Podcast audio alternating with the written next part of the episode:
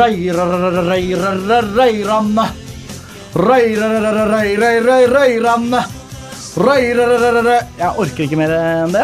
Hadde du egentlig nå tenkt å gjøre det alle tre gangene du prøvde å starte sendingen? Eh, nei, det var jo Eller kom du på det gang nummer tre?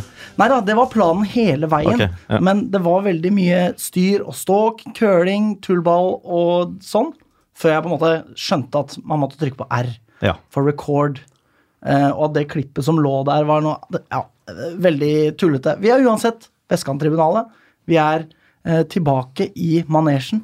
Eh, og det er jo litt gøyere enn egentlig hva jeg trodde det skulle bli. Hvordan er det for dere? Hva med deg, Magnus, eksempel? Eh, nei, jeg er fortsatt i tenkeboksen på om jeg skal være med i dag. Ja, eller mindre, ja. Så du kan finne på å gå midt inni Det kan jeg egentlig gjøre, ja. Ja, Men uh, her er jeg nå. Ja. ja men så lenge. eh, flott å se deg, i hvert fall. Likeså. Takk. Eh, og deg da, Morten? Altså, Om jeg er overrasket over hvor gøy dette her var? Ja? Ja, litt. Ja? Faktisk. I Sånn, eh, det, jeg følte, Men det handler nok kanskje litt mer om at sesongen snart er i gang. da Men at jeg, at jeg var litt gladere for å begynne med det her igjen enn jeg hadde sett for meg for en uke siden. For eksempel. ja. Ja. Altså, vi var jo Gjorde jo det vi pleier å gjøre før sending, å gå på burgeretablissement. Ja. Eh, og det var Jeg syns det var veldig trivelig å sitte her med dere og jabbe og spise burger og bare komme tilbake liksom i sonen igjen, da. Det var det faktisk. Det Ja. var det. Ja, Og så var det litt deilig å, å ikke bare være på Mækkern. ja ikke sant? Eh, Yes, yes. Har man oppgradert eller nedgradert når man er på Max Burger? Ja, opp. Har du syntes det? Ja, er heller opp enn ned. Det syns jeg, altså. Ja, det er litt Det er ikke langt opp, det er det ikke. Men Nei. litt opp. Litt opp, kanskje? Jeg vet ikke om jeg er helt enig. Ass. Vi har for dårlig tid til det her. Ja, jeg beklager. Eh, må jo høre hva som har skjedd litt siden sist, da, gutta, i deres eh, liv. Eh, Morten får starte. Skal jeg starte? Ja, det syns jeg. Du hørtes Eh, sjokkert ut, men Ja, jeg vet ikke. Jeg har alltid tenkt at vi spør Magnus først. Men eh, det er greit. Eh, nei det, har ikke, det er ikke sånn utrolig mye spennende. Jeg er veldig sånn eh, i godt humør for tiden. ja, så bra. Ja. Er det noen spesiell grunn til det, eller? Nei. Nei. ikke spesielt. Men jeg har nok eh, gått uh, og tenkt eh, Kan du på, lure på på hva den spesielle grunnen synes om det? på lyn. en del.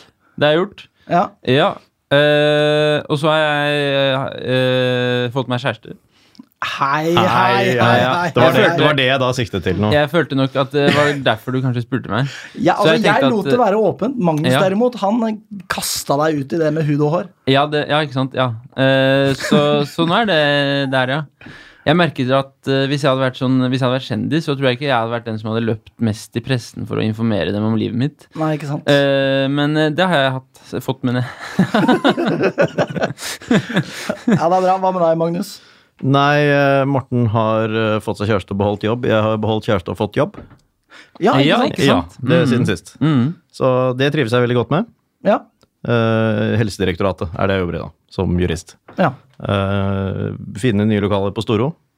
ja. Trives kjempegodt. Du får rare telefonsamtaler av folk, eller kanskje klassifiserte opplysninger, eller? Jeg får telefonsamtaler fra folk. Det gjør. Ja. Det gjør du, ja. Eh, nei, altså, sånn så får jeg mest per mail, men jeg er eneste juristen på en del av det jeg holder på med. da. Så jeg får noen henvendelser som man må ta til en jurist, som er litt kjedelige, og så får jeg ganske mange som egentlig er ganske interessante.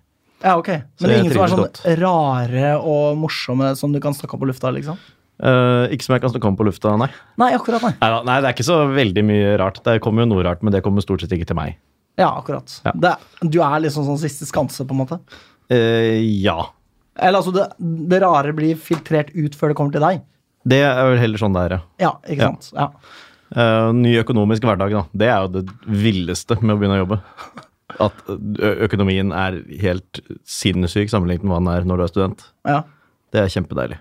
ja, det kan jeg se Så derfor skal jo jeg til jeg har bestilt tur til Kirkenes, blant annet. Altså for å se Norild Lyn da, senere i år. Syk, syk person. Du er Syk, det. syk person, det er jeg klar over. Det er, og da mener du ikke syk som i 'å, herregud, det er kjempekult'. Du mener syk som i sykelig.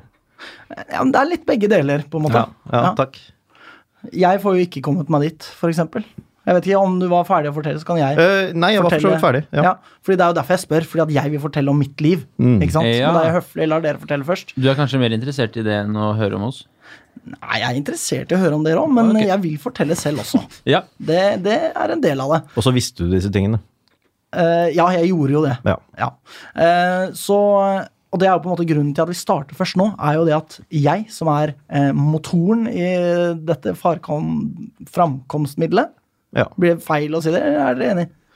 Nei, det kan du godt si. Det blir jo feil, men eh, det Ja, okay. går greit. Ja. Ja. Mm. Eh, uansett, jeg skriver jo masteroppgave, og jeg har ikke tid til å lage f sendinger med dere. Massevis av de. Så da blir det bare bare bones, men vi satser på at det blir bra allikevel, da. Så jeg er veldig stressa med det. Har gjort for lite, men det har man vel kanskje gjort uh, uansett. Så ja. Det er sjelden man føler man ligger har for god tid ja, det er noe med det. på det. Eller jeg følte faktisk det en periode. Ja, men du kan Men- jo dra til helvete. Ja, jeg kan jo dra til helvete, men det, da, var- det var fordi jeg var dritflink da jeg først liksom satte meg ned og jobbet ordentlig med det. Mm. Da hadde jeg surret bort en del tid i forkant. Det hadde jeg gjort. Men eh, ja, Magnus jeg er jo veldig godt an på dette tidspunktet. Ja, Dere kan holde kjeften deres. Eh, men Mm. Så du kommer jo til å ha problemer i høst òg, når du må prøve på nytt. ja, ikke sant. Da blir det enda mindre. Ja. Da har jo skammen i tillegg, ikke sant. Ja. Ja. Men som den eh, observante lytter kanskje allerede har plukket opp, så er vi ikke alene her, eh, vi tre. Vi har med oss en eh, fast gjest. Det blir jo fast nå. Eh, For tredje året på rad. Vi har med oss Tror vi. Jørgen Kjernås. Hallo, hallo. Velkommen til oss. Veldig stas å ha deg med igjen. Jo, veldig hyggelig å få lov til å være med. Dette er en eh, bra tradisjon. Altså, nå, nå er det tradisjon, er det ja, ikke det? Vi drøfta jo så vidt dette. Det kalles vel tradisjon når det er tre år på rad. Det gjør ikke det? Ja. I hvert fall når det er tre av fire år vi har laget podkast eller noe sånt. Ja, og det var vel Er det fire, tre og et halvt? Ja, noe sånt. Ja, da var det jo ikke aktuelt. Det var jo bare halvveis i den uh, nedrykkssesongen. Mm. Ja. Så dette er tradisjon, eh, og det er veldig stas. Eh, vi har jo forberedt oss eh, veldig, oss tre, og så satser vi på at du på en måte eh, går utenpå oss tre uansett, sånn i peiling på hva vi snakker om, da. Supplere og mene litt og komme med litt innspill, det skal vi klare. Ja, At vi supplerer og mener litt og kommer med Ja, innspill. Det, det får jo lytterne høre etter hvert, da. Ja. Jeg tipper det skal bli fyldig og informativt til sammen, det. Vi sikter på det. Men hva har skjedd med deg det siste året, da? Må jo høre med deg òg. Ja, det, det, nå måtte jeg tenke sjøl. Jeg har gifta meg, da. Det er Oi, jo, hei. Det er ikke verst. kjenner jo i tilfelle Nå er ikke kona mi Hun er jo passe fotballinteressert, ikke veldig lyninteressert, da, men det, hun kan jo finne på å høre på dette. Så Ja. fint å nevne det først, tenker jeg. Det, Det, Det hø høres trygt ut. Ja. ja, høres, var smart. Tipper det var smart. Ja. Eh, ellers, godt spørsmål. Ikke så mye. Det vante. Man har sett mye fotball. Eh, sett holdt på å si, snøen komme og gå veldig fort. Og gått og gleda seg til seriestart eh, ganske lenge. Og det, Nå har jo seriestart starta for de store gutta allerede, og så er det da de som er på mellomtrinnet, som eh, kommer nå, da. Mm. Eh, så det blir jo veldig stas. Det De store gutta som Lyn 2. ja, for eksempel. Det, det er jo noen av de store gutta som har lekt med de små der òg, si Det det du sånn. Så det- Ikke, ikke på den I, med, I beste mening, holdt på å si. Det, Mm. ja. Men og toppfotball suser og går som vanlig? Går ja da. Jeg pleier jo å sitte egentlig mer eller mindre her en gang i uka, og det Hvilken stol? sitter der. Der var Morten Eh, sitter nå? Eh, og så hadde vi en gang her hvor vi var i et annet studio, hvor det er veldig sånn gammeldagse stoler. Det føles litt sånn eh, når du er på en sånn der eh, restaurant som egentlig prøver å imitere 1892 eller et eller annet, liksom. Så det, det var veldig snodig. Eh, litt snodig å sitte på feil side òg, men det er liksom ikke Vi har ikke vært her så lenge, da, fordi man, de har jo bytta lokale og så videre. Så liksom ikke blitt helt setevarm der uh, ennå. Men uh, Mm. i det gamle studio, der måtte jeg sitte inne i bakerste hjørne stort sett hver gang. Så det Altså I det gamle studio var det jo også sånne kontorstoler hvor folk kjenner eller Flere av våre lyttere går ut fra kjenner til Morten Gallåsen. Ja, Morten Gallåsen, Ja. Han er jo en høy skalla fyr. Eh, og når man er skalla, ja, da blir det sånn gnisninger i bakhoderegionen. Så da var liksom hele det syntetiske trekket på eh, denne På én av fire stoler, Ja, på en av fire stoler liksom totalt slitt ned. Mm. Så der var det faste plasser, for å si det sånn. Jeg må jo si det at jeg sitter jo heller ikke på fast plass i den grad er det. Jeg satt jo der hvor Morten sitter eh, sist vi var her, jeg også. Så jeg er eneste som sitter der hvor jeg satt. Ja, forrige gang òg. Det er vel eh, Er du på Spekter? Jeg bare spør. Uh, nei, jeg er vel ikke det. Men til å ikke være på det, så jeg, har jeg vel noen trekk. Ikke Hva, sant? eh, unnskyld meg, men nå er det vel ikke sånn at Ja, du sitter her der du satt forrige gang du var i dette studioet. Det er riktig. Fordi det her er første gang jeg sitter Du sitter på en måte på motsatt side av der du hadde sittet i, på Brugata-studioet vårt. Vi sitter nå på samme side av bordet. Ja, for, for første gang. Jeg lurer på hvor interessant dette egentlig Ja, er. er for sånn noen som ikke har sett er studio. Så eh, eh, Jørgen er introdusert, men du har fått et spørsmål også. Vi eh, etterlyste jo spørsmål eh, Ja. På Twitter, og så fikk vi to spørsmål, og det ene av dem passer her, og det er eh, da altså på en skala fra 1 til 10, hvor forbanna er du på at Årvoll ikke møter Grei til lokaloppgjør i tredje div i år? Det er jo ikke så lynrelatert, men det er jo gøy for deg som Årvoll-gutt å snakke for, om Årvoll, tipper jeg. for, på forbanna-skalaen så er jeg nok ikke mer enn kanskje to eller kanskje en treer, da.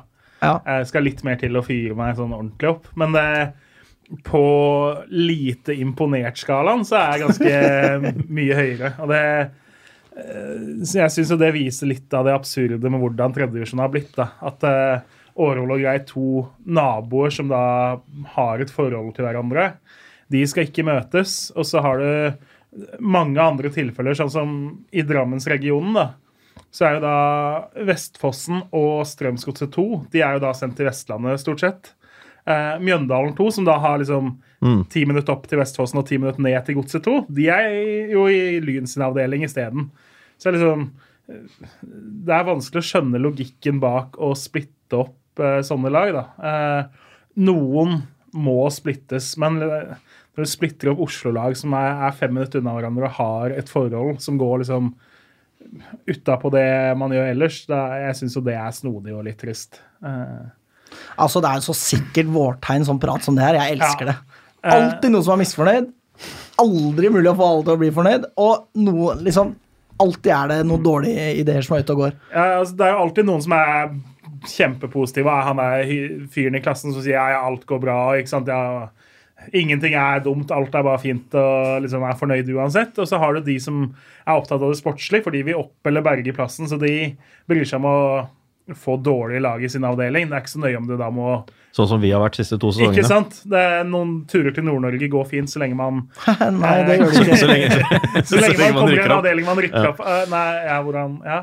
Eh, og så er det jo ikke sant? Det er jo umulig å glede alle, og nesten alle 84 klubbene evner jo bare å se det fra sitt perspektiv uten å tenke at det er en milliard andre forhold. Men eh, jeg syns jo ikke oppsettet har vært løst optimalt noen av gangene. Jeg syns noen skal være veldig fornøyde. Eh, sånn som laga i Trøndelag, da. De har fått drømmeavdelinger tre år på rad nå. For der er det 9-10-11 lag har vært eh, derfra. Og så har de da fått korte turer. De har ikke blitt splitta. Sånn som alle Oslo-laga blir hvert eneste år, blir sendt i to-tre forskjellige avdelinger. Og så har de da fått korte bussturer nå nedover til Hedmark og Oppland. Det er ikke korte sånn, men altså, de har nå fem turer nedover som er da fire-fem timer hver vei, og så har de ellers møter hverandre.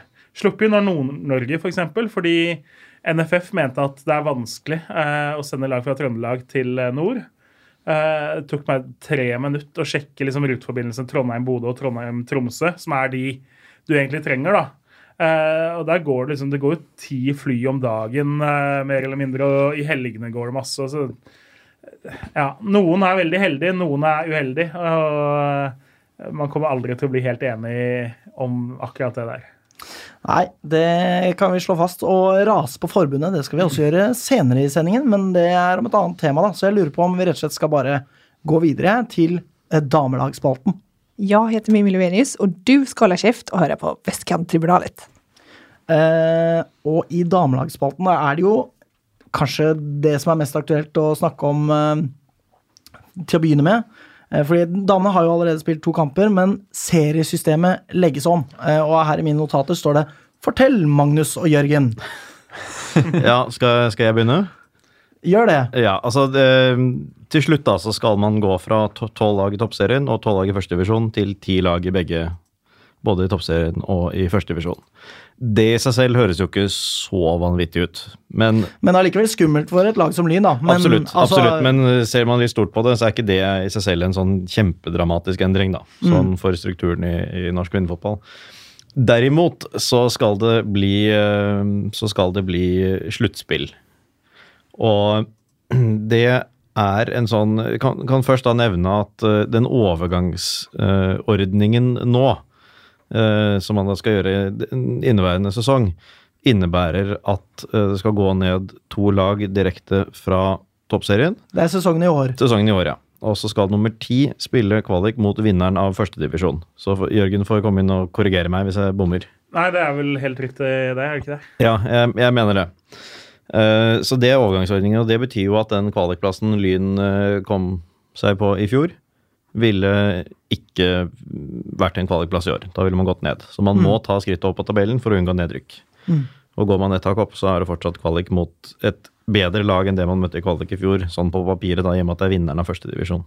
Det må jo være helt jævlig å være førstedivisjonslag og bare mest sannsynlig ikke gå opp, da. Ja, men det, vi har jo opplevd å, være, å vinne tredjedivisjon, vi uten å gå opp. Definitivt. Ja. Eh, men ordningen man skal ha etter den overgangssesongen, altså når det er ti lag, det er den som er helt, helt spinnvill. Jeg er veldig spent på å høre hva du syns om det, Jørgen. Vi er jo rasende, selvsagt. Men for, fortell litt om den, eh, Magnus. Ja, altså da, Det skal da være ti lag i toppserien. De skal først da spille hjemme og borte, altså 18 kamper.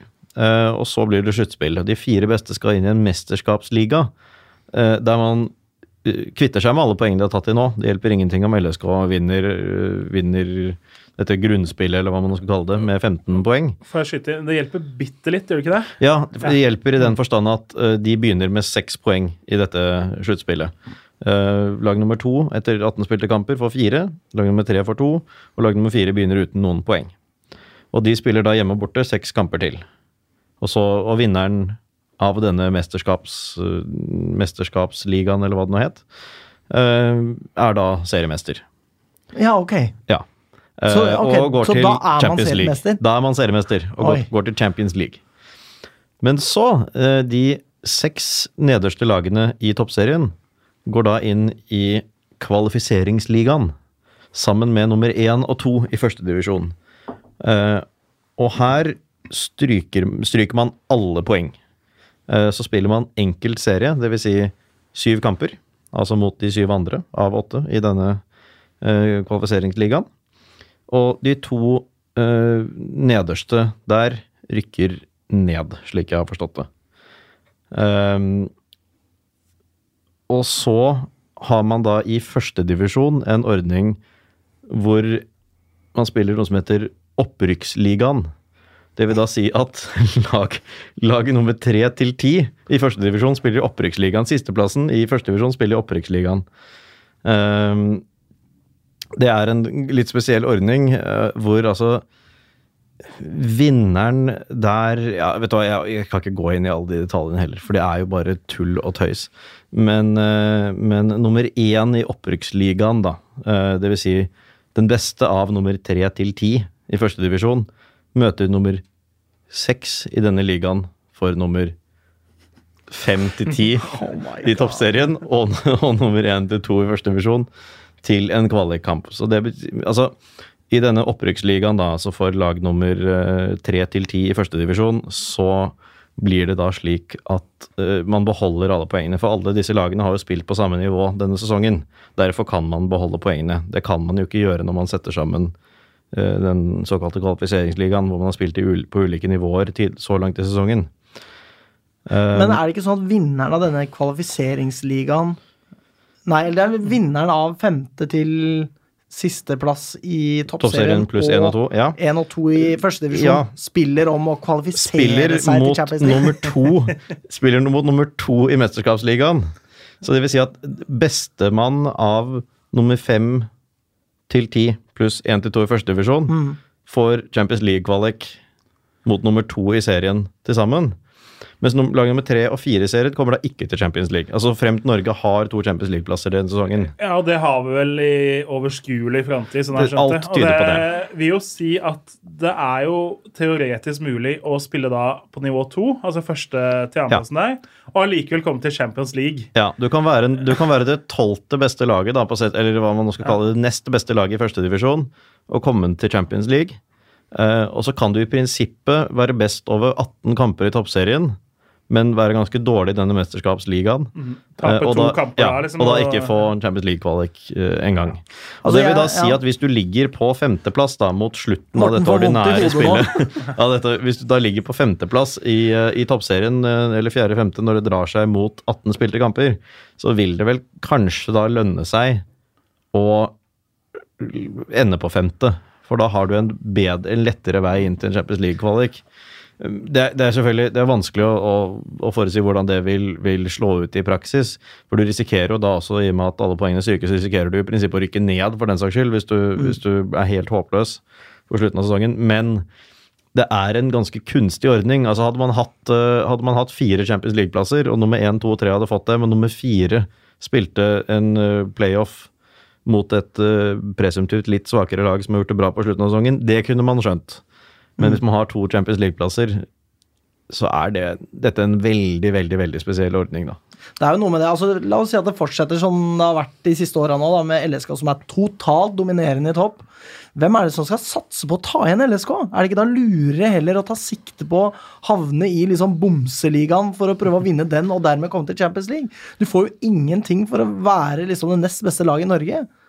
Ja, nei. Det, uff, jeg har jo prøvd å sette meg inn i dette, og det eh, Jeg er jo imponert hvis folk henger med i svingene hvis de ikke har satt seg inn i dette før. Ikke, Ja, ja, ikke fordi forklaringa var dårlig, men fordi det er så mye hvis og om og men, og de beholder ja. poeng, og de får seks poeng. Altså, jeg er jo ekstremt fan av å gjøre sånne ting enkelt. Mm. Og enkelt det er møt alle de andre i ligaen din hjemme og borte. Mm. Det laget som har flest poeng, ender på førsteplass. Det laget som har færrest poeng, ender på siste. De rykker da ned, og de som ender øverst, rykker opp eller vinner, da, hvis det er øverst øverste nivå.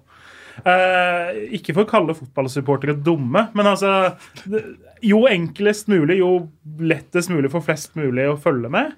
Og liksom En tabell er fin når den er enkel. Når det blir- liksom Nå skal dere dit, og så kan dere møte de hvis det her skjer. og Folk faller av. Og så må man jo da stille seg spørsmålet hva er vitsen?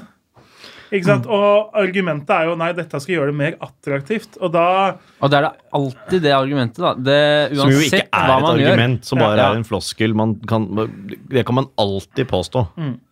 Og det er jo, ja, det er jo sånn samme som når kona mi da mener at vi må ha et eller annet til hjemmet, så det da, da blir det finere. ikke sant? Ja. Huset blir mer attraktivt. Og så tenker jeg, jeg gjør jo ikke det. Det er jo bare piss. Men eh, Får håpe Vi hun får har skrudd av. ja. Eh, men så er det jo litt sånn Jeg, jeg har ikke noe sans for det her i det hele tatt. Uh, og så har jeg tenkt altså, Hva jeg syns eller ikke, det er jo egentlig ikke så viktig. Hvis klubba vil ha det sjøl. Men når man så liksom, NRK ringte jo rundt alle lagene i de to øverste divisjonene, så fikk de ikke tak i alle. Men flesteparten av de de snakka med, syns jo ikke noe om det her. Nei. De vil vel stort sett beholde nå. Og så er det noen som vil ned liksom, til ti lag og litt sånn. Men det er liksom ingen der som gikk ut og bare Hei, sluttspill, la oss få sluttspill. Alt kommer til å bli bra med sluttspill.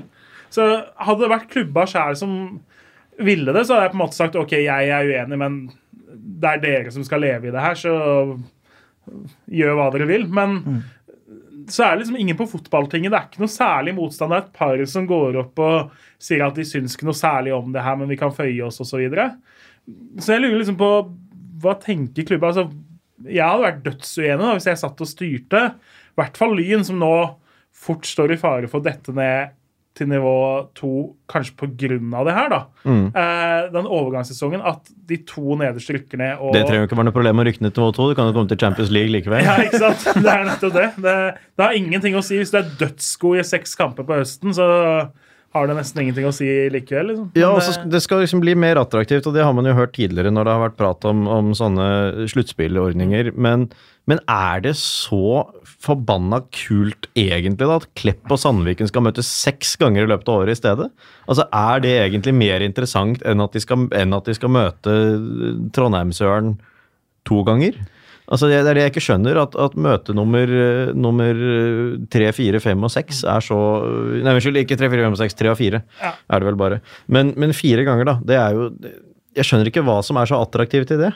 Det er jo noen land som eh, har prøvd, altså som har litt variasjoner på hvordan, eh, hvordan dette fungerer, da, og det er vel ganske lite som tyder på at liksom dansk fotball fikk et kjempeløft da de gjorde om eh, litt, og, og nederlandsk fotball prøvde det vel litt, og Mm. har det kanskje fortsatt. Altså, det er Nederlandsk liksom fotball har vel en sånn ordning med at Ja. hvis du er på nivå to, hvis du er best i de første ni kampene, eller noe sånt, og, de, Mm. og så de påfølgende ni, og så videre, så kommer du til Kvaliken. Kvaliken, ja. ja, Ja. Det, er- det, ja, det her Man prøvde jo å innføre det for noen år siden i herrefotballen, og da ble det jo veldig klart sagt at det her vil vi ikke ha, både fra supportere og klubber. mm. Eh, og så har på en måte ikke kvinnefotballen liksom den samme eh, Altså Det er ikke like mange som følger og roper høyt, og det blir ikke skrevet like mye om det i media osv. Så, videre, så da kommer på en måte det forslaget her litt sånn snikende.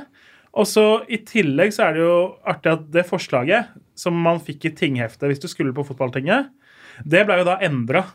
NFF skrev én ting i det heftet, og så har du en måned på deg å lese deg opp på det og snakke med klubben din og hva syns styret og hva syns trener osv. Så, videre. så kommer du da til fotballtinget fredag kveld og får beskjed om at nei, NFF har justert det her, liksom, så nå ser det ikke ut sånn som dere har behandla klubben deres. Det ser litt annerledes ut. Og da Ja. har du ikke tid til å på en måte ringe åtte styremedlemmer klokka halv tolv fredag kveld og få de til å mene så mye om hva klubben din syns om det her. Og så det, eh, nei. Altså da, da Lyn eh, ikke fikk lov til å rykke opp den gangen, så var jo det etter et fotball, vedtak på fotballtinget, og det skulle iverksettes et, i løpet av altså, førstkommende sesong, Mm. dvs. Si med start etter fire uker eller et eller annet sånt. Eh, og da var jo, altså Grunnlinjene lå jo, lå jo fast, eller hovedlinjene lå fast, men, men eh, det, da var det også gjort en endring på fotballtinget som antagelig bikket flertallet, eller i hvert fall Mm. godt mulig gjorde. Eh, eller opp til i hvert fall to tredjedels flertall, som man trengte. Og det var jo dette med at man skulle ha 24 fremfor 18 avdelinger pga. Det var nordnorske lag som ønsket seg det, og da stemte alle for, eller mange av dem for.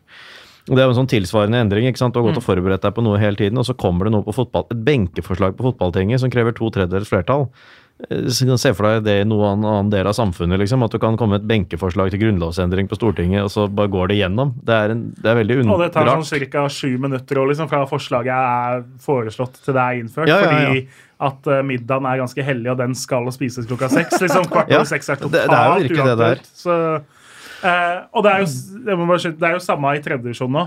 Der gikk man jo nå fra fire nedrykksplasser til tre nedrykksplasser.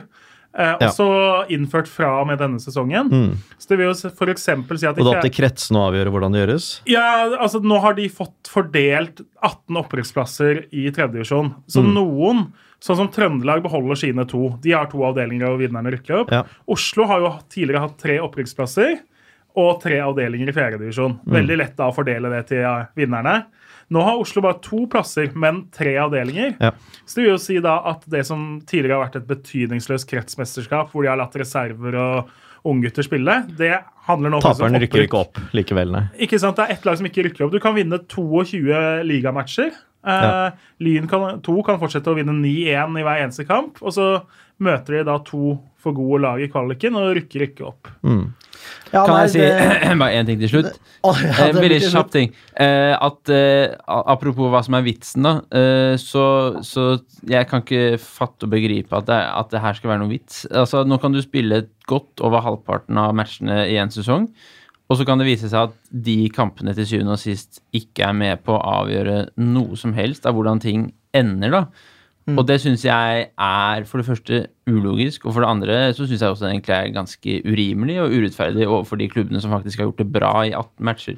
Altså hvis, hvis, LSK, hvis LSK vinner Nei. dette grunnspillet på 18 kamper med 15 poeng, eller noe andre enn LSK, da, men hvis LSK gjør det, eh, og så er nummer 2, 3, 4 på samme poengsum, men Mm. eh, skiller målforskjell, så vil det altså skille to poeng fra LSK til nummer 2 og fire poeng dem imellom.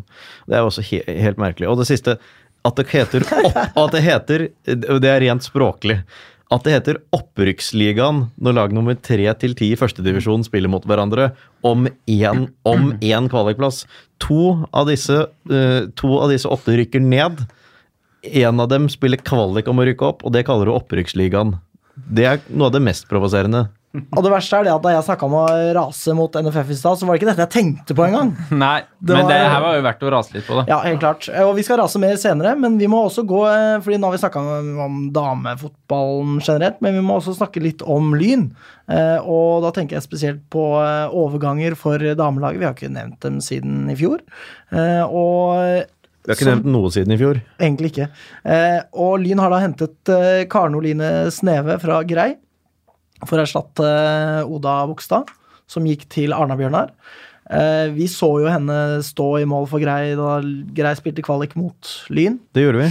Eh, hun hadde Altså, hun var helt rå, liksom. Jeg, eh, etter den kampen så gikk jeg bort til henne og så sa jeg, fy faen, du var helt eh, on fire. Og hun er nå Lyns nye keeper, så det sier jeg meg egentlig ganske godt fornøyd med. Så bra. Vi Ja. snakket om, å, om at Lyn burde hente henne, husker jeg. Ja, Bort på Greibanen. og så gjorde Lyn det da. Ja da. God stemning. Eh, Lyn har også, så vidt jeg kan se, henta Maria Emilie Hustad fra Medkila. Eh, Så det er jo stas, det. Og ikke så mange som har dratt eh, heller. Det er mulig jeg har oversett noe, da. Men det er i hvert fall i grove trekk. Og så er det også sånn at damelaget har, har jo spilt to kamper nå. Det ble to uavgjorte resultat. Starta serien med eh, 0-0 mot Fart. Kanskje ikke veldig imponerende. Nei, det er det ikke. Nei, de, de rykka opp i år. Ja. Så det er jo sånn per definisjon et skuffende resultat, vil jeg si. Ja, de rykka opp i fjor eh, i ganske hard strid med Grei. Og det var Ja. så vidt det var at de gikk opp. Det var jo en avgjørende kamp mellom de to på slutten her. Så eh, det er nok et av de lagene som må ligge bak Lyn om Lyn skal berge plassen i år. Ja. Så det var ikke helt heldig. Eh, men så reiser Lyn til Bergen og spiller mot Arna-Bjørnar, og der blir det jo 1-1, som er et kjempegodt resultat, vil jeg si. Det er det. Eh, så et strålende mål av Runar Lillegård som eh, utligner for Lyn, og til og med stakk av med prisen for rundens mål. Så det var jo veldig gøy å se, da. Og det var et fint mål, altså. Det var veldig fint. Ja. Ja, det var det. det var det. Skikkelig deilig raid fra midtbanen, vende av en spiller og sette den i hjørnet, og keeper eh, skjønner ingenting. Deilig. Deilig. Alltid gøy å se Lyn skåre mål. Det er det. Ja. Um, og så er det sånn at damene skal eh, snart eh, spille en ny kamp. Det er på lørdag mot Kolbotn klokka to, hvis ikke jeg tar helt feil. Magnus, kan du være så snill å passe på at jeg ikke. sier feil? Jeg kan eh, passe på at du ikke sier feil. I mellomtiden så kan jeg jo si det at Kolbotn har ikke plukka et eneste poeng denne sesongen. Eh, så ser vi på Lyns første seier her mot Kolbotn, kanskje? Vi får ja, klokken håpe det. 14 er riktig.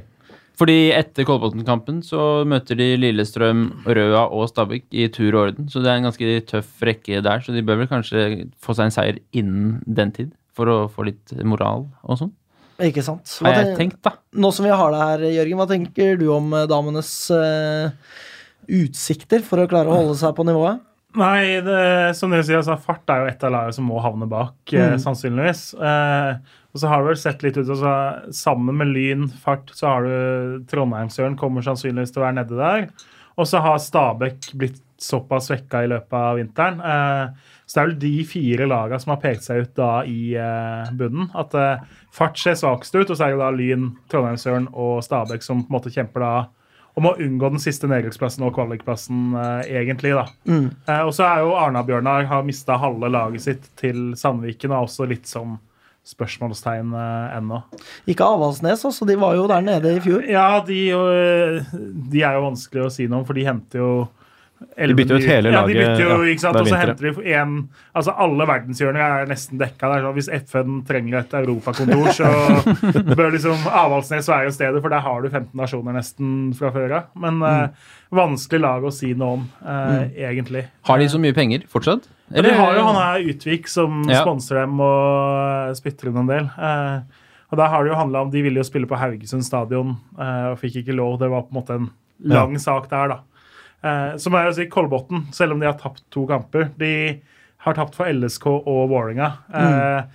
LSK leda de 3-1 mot et stykke ut i eh, annen omgang. Så ut som de skulle da sensasjonelt ta tre poeng der. Og så kom da LSK tilbake og vant 4-3.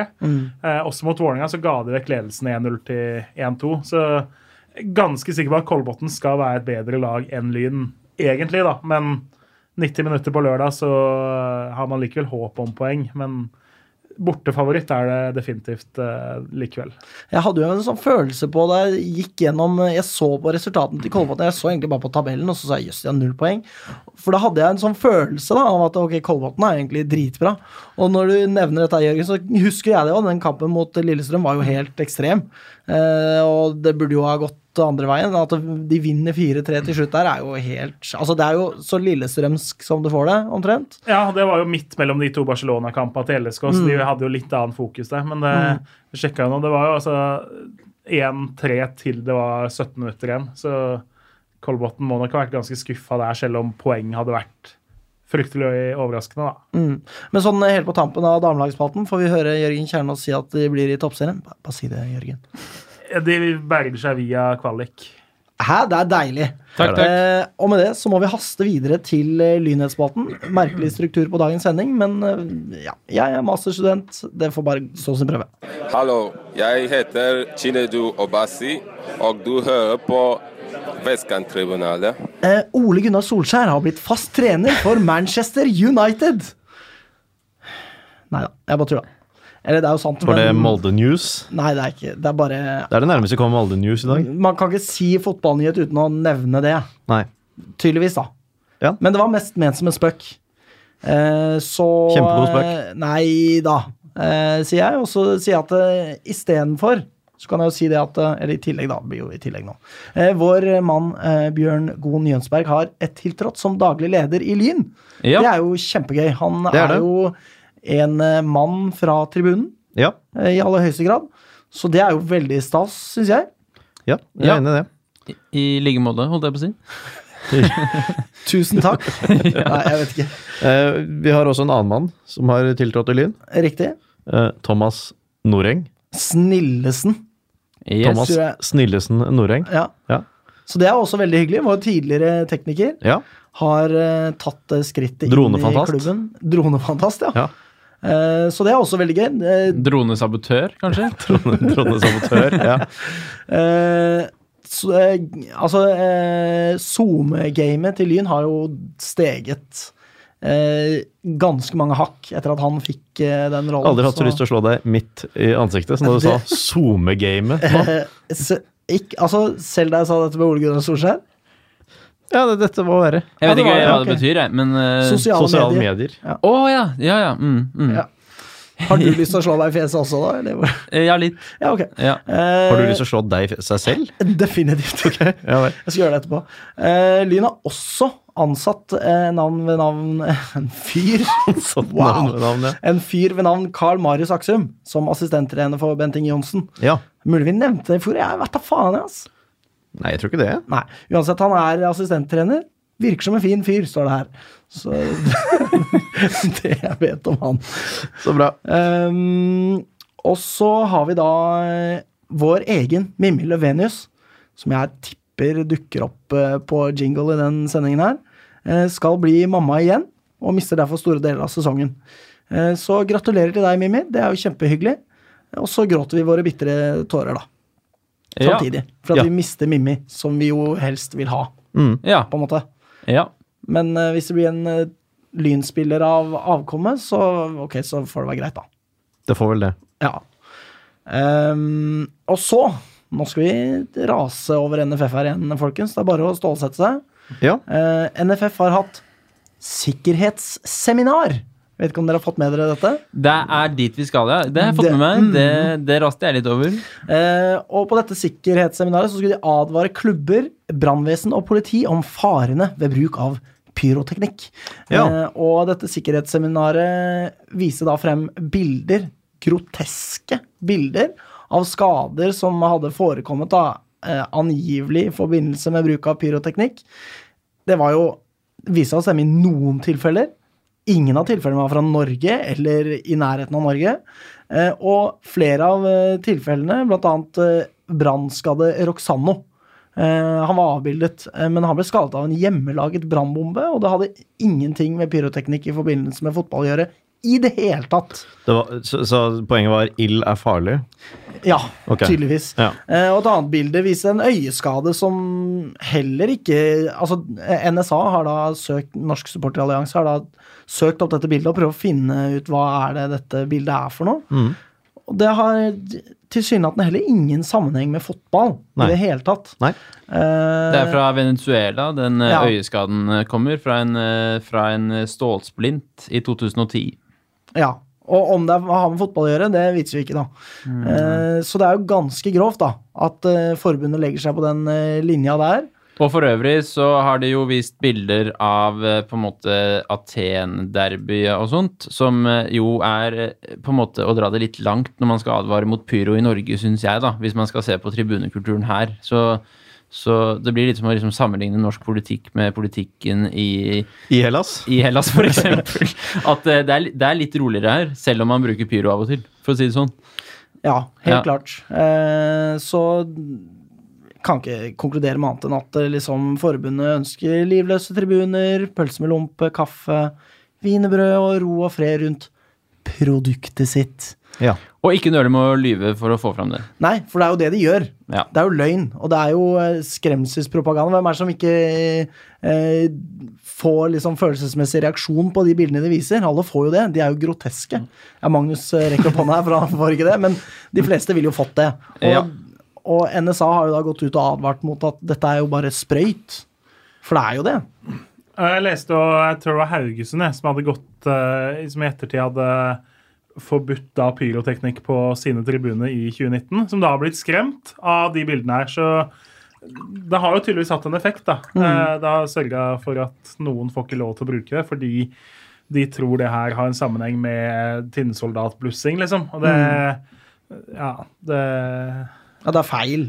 ja, det er jo mange som roper om fake news i tide og utide eh, nå i 2019, men uh, bruker bilder i en helt annen sammenheng enn uh, Ja, altså Jeg liker jo ikke å bruke begrepet fake news i fullt alvor, men, men det er klart det er jo de, den mekanismen da med at, uh, med at den opprinnelige løgnen, som jo dette, jo dette jo beviselig er Den opprinnelige løgnen har jo brer, brer jo om seg mye mer enn det rettelsen i ettertid gjør. Sånn er det jo hver gang. ikke sant? Den, dette de løy om i utgangspunktet, kom frem til langt flere enn det eh, korreksjonen i ettertid gjør. Og da er en del av formålet oppnådd uansett. Mm. Det er jo gjerne sånn eh, det, er jo gjerne sånn det fungerer, sånn desinformasjon som det er. Mm. Så det er veldig trist, eh, og håper og tror og går egentlig ut fra at ingen i Lyn tenker på samme måte som Haugesund. Nei, vi lar seg nettopp, lure av det eh, der. Nå har vi nettopp snakket om at eh, Bjørn og Thomas er, er nyansatte i klubben. Og de Ja. vet jo hva på en måte De kommer jo fra tribunen, som vi Ja. sa. Mm. Eh, så ja, eh, vi går videre til neste lynhet, som er eh, det at Her skal det kanskje rases på forbundet eller et annet. Jeg, jeg vet ikke. Skal rases, i hvert fall. ja, det er i hvert fall noe jævlig irriterende greier, fordi Lyn kan ikke benytte seg av syv A-lagsspillere pga. rot rundt regelverk. Ja. Og det handler da om at det var uklarhet rundt en regel fra forbundet. Ja. I klubben, i hvert fall. ja. Eh, ja, forklar du, Magnus. Du er flinkere på dette enn meg. Kampreglement, jeg lurer på om det var paragraf 2-8. Hei sann! Nei, ikke rart jeg gjorde til deg. Nei, uh, nei altså det, det det handler om, er at det er noen særregler. Det er jo, det er jo regler for det å utveksle spillere mellom uh, mellom eh, førstelag og et lavere rangert lag tilhørende samme klubb, altså Lyn 2 i vårt tilfelle. Eh, og da er det nå sånn at det har variert litt eh, hvordan, eh, hvordan reglene for dette her er. Hvilke begrensninger som gjelder hvis uh, annetlaget ditt spiller før førstelaget ditt. De som da spiller for andrelaget uh, i deres første kamp. om hvilken deltakelse de kan ha da i førstelagets første kamp.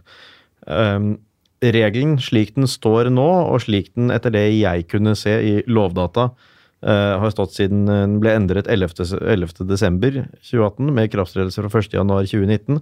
Jeg kan ikke garantere at det stemmer. Det er ikke alltid det står hver gang det er endret noe, når det er sånne kampreglementer, ikke liksom vanlig lov.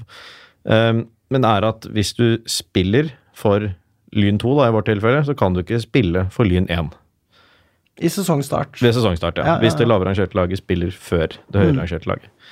Det gjelder jo da oss.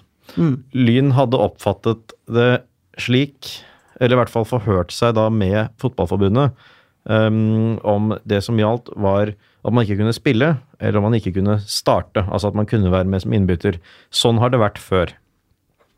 Og det kom noen uklare signaler fra NFF også i fjor, hvor de rettet opp i Rettet vel fra den regelen som nå gjelder, til at det, det er lov å komme inn. Mm. For da, da sendte de ut et sånt rundskriv som alle klubbene får, hvor Ja. det sto det som nå gjelder, og så Mm. blei det mye styr, så viste det seg at det var feil. Da kunne du være på benken for førstelaget hvis du hadde spilt for andrelaget.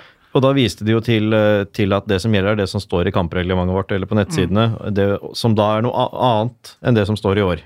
Men det syns jeg er litt spesielt at man kan Det er jo det Lyn sikter på her. At man kan komme inn fra benken.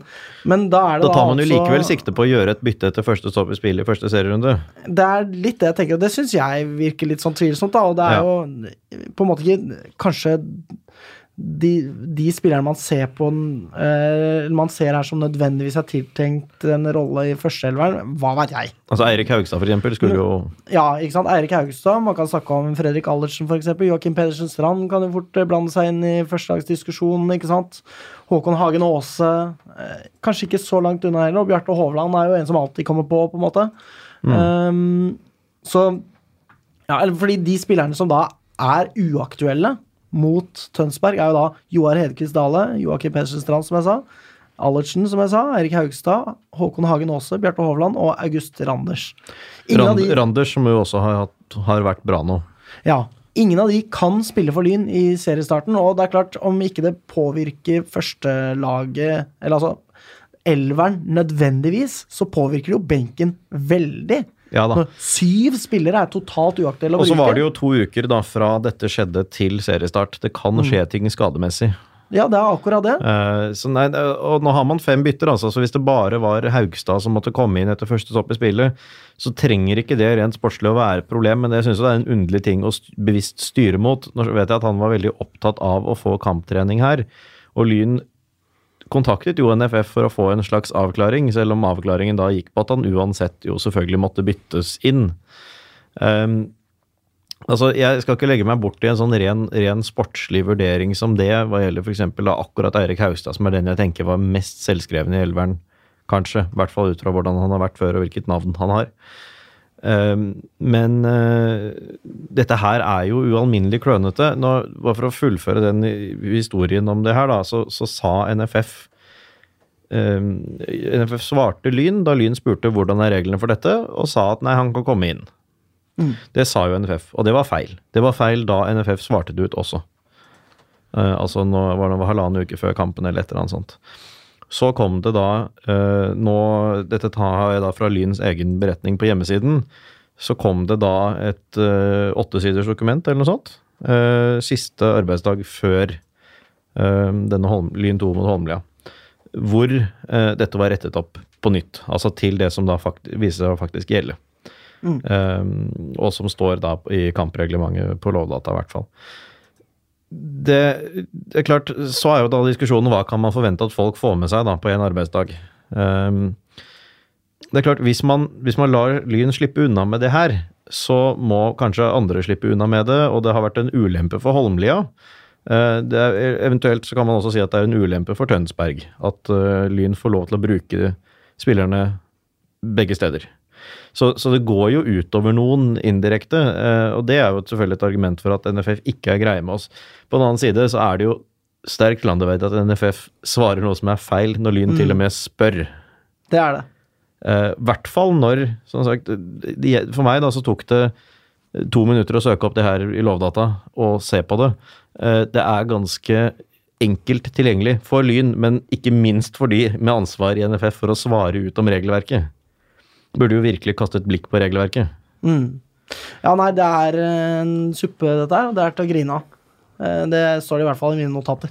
Ja, Det er litt å grine av, men det er jo Jeg er jo for så vidt enig med dere at det, det er på en måte først og fremst det er Haugstad her og en svekket benk da, som, som blir det store minuset. Det er ikke et, sånn som jeg har liksom lest uh, stallen i treningskamper fram til nå, og disse navnene som er utelukket, så, så er det jo ikke veldig mange av disse jeg eh, på en måte tenker at det var tiltenkt en startelver, eller eh, å komme innpå med en gang. Sånne ting. Så, så det er ikke den største svekkelsen vi får av det her, selv om det er klønete. Men, eh, men Simsek har det jo vært litt, litt uklart med hvordan er formen der. Det har vært det samme med Sofus. Dale er utelukket. Det, det- ikke sant? Sånne ting kan være et problem, da. Eh, De, de, det kan virkelig gjøre noe. Nå har jo Lyn altfor mange keepere til å, til å risikere noen ting med det her. Og det, egentlig så burde det være trygt å bruke én av tre-fire gode keepere, altså. Men eh, nei, det er, eh, det er var to uker igjen til seriestart, da. Det var det. Veldig rart å ta noen som helst sjanser, synes jeg. Selv, men så hadde man jo spurt, da. Men jeg, jeg lurer jo på, for nå Vi spiller jo inn på tirsdag. Lyn 2 møter jo da Kolbotn borte i dag.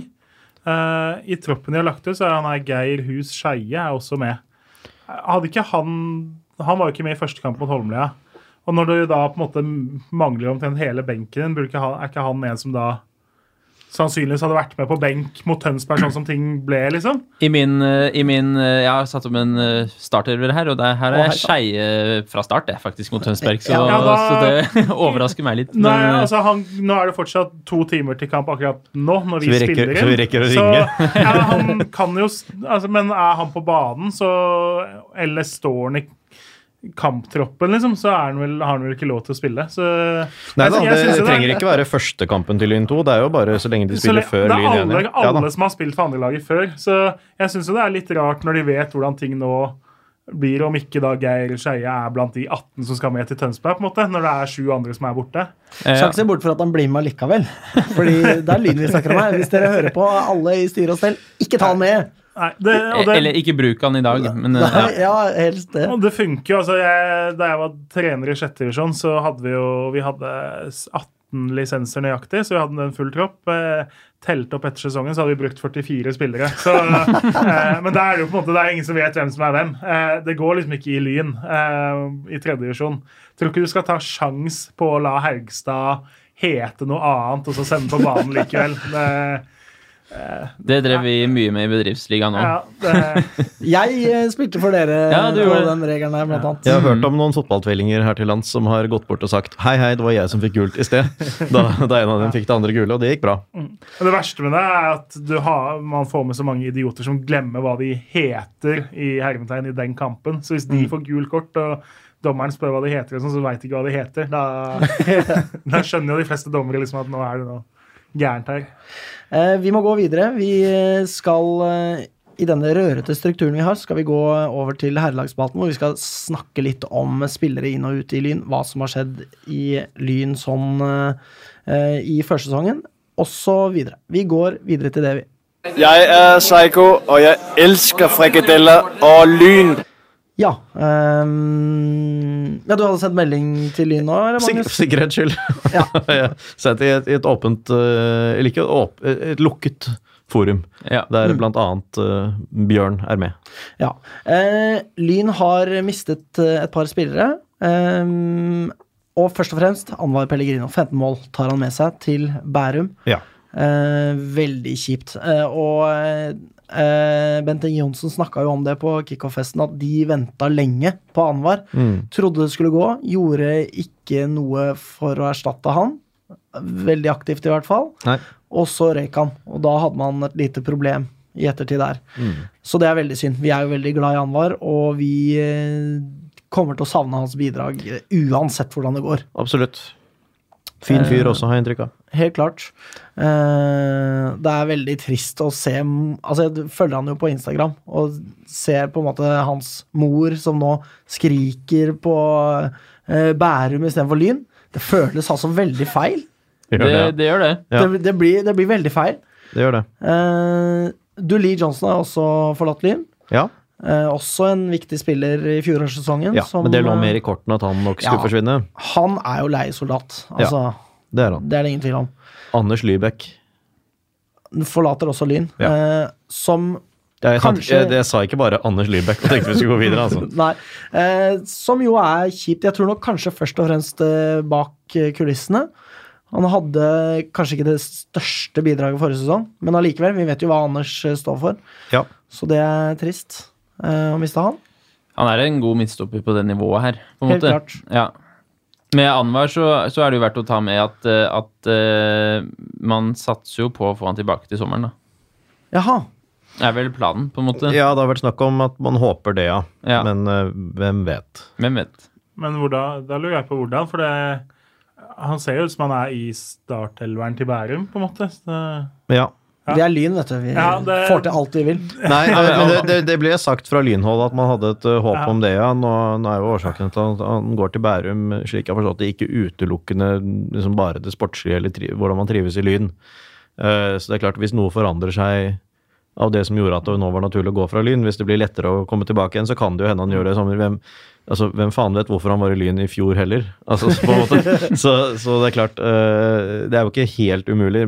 Jeg ville ikke tro man hadde sagt noe sånt uten grunn. Altså Da må det vel være et eller annet som tilsier det, men, men det er klart, ser man eh, dette utenfra, så skjønner ikke jeg noe, noe av det heller. Nei.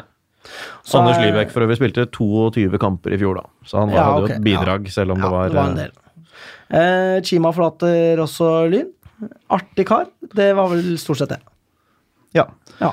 Eh, og Marius Østfold også eh, tar en pause fra fotballen. Det er jo Ja. veldig synd. Eh, han spilte Veldig for. Lyn i førsesongen tidlig der, Ja. men må bare kutte ut fotballen på ubestemt tid for å det. bli frisk. Og det er selvsagt en riktig vurdering, det, ja. men det er synd, da. Og så har vi mistet, mistet, mm. legenden Thorvald Bertelsen. Ja. Ja, eh, fordi eh, jeg tenkte vi skulle snakke om spillere inn etterpå. Da tenkte jeg også å nevne Thorvald Bertelsen. Ja, Vi kan nevne ham begge steder. Ja. Ja. Eh, men det er andre Thorvald Bertelsen har forlatt Lyn, og så kan vi spare resten. til- Ja, ikke sant. Ja. Eh, så er det spørsmålstegn rundt eh, Fadel eh, og Kristoffer Simensen. Ja. Eh, kan ikke si det at jeg syns at Bent Inge Johnsen virka overivrig på å beholde han i Lyn på kickoff-festen. Da snakker du om Fadel, eh, ikke Simensen. Fadel, ja. Ja. Og Simensen har jo denne ryggskaden sin, er det ikke det? Jo. Som er, så han er liksom litt i samme kategori som Marius Østfold, da. Mm. Om ikke like alvorlig omfang, så allikevel. Ja. En Ja. spiller man ikke kan regne med at eh, trekker på seg lyndrakta, og da er jo plutselig 23 av 74 mål borte fra Lyn, Ja. sammenligna med i fjor. Ikke sant? Bare fra eh, Kristoffer Simensen og eh, Anwar, da. Ja, Karbon tenker jeg at eh, det er en spiller som må være sånn utelukkende opp til eh, Bent Inge Johnsen og trenerteamet og på en måte fatte en beslutning på om skal eh, Kommer til å bidra nok til at det er verdt å beholde han, på en måte. Eh, hvis, hvis de finner ut av det, så er han jo en strålende spiller på det nivået her, potensielt, selvfølgelig. Ja. Eh, kan anbefale alle å gå inn på Instagrammen til Fadel Karbon, for han har vært på ferie siden sist, for å si det sånn. Han har kjørt Lamborghini i Dubai, liksom. Han slår meg som en kjører Lamborghini Dubai-til type.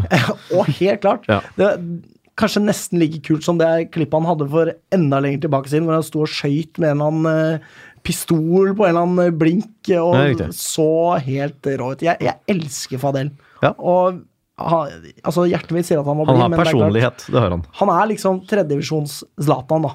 Ja. På mange måter. Ja. Ja.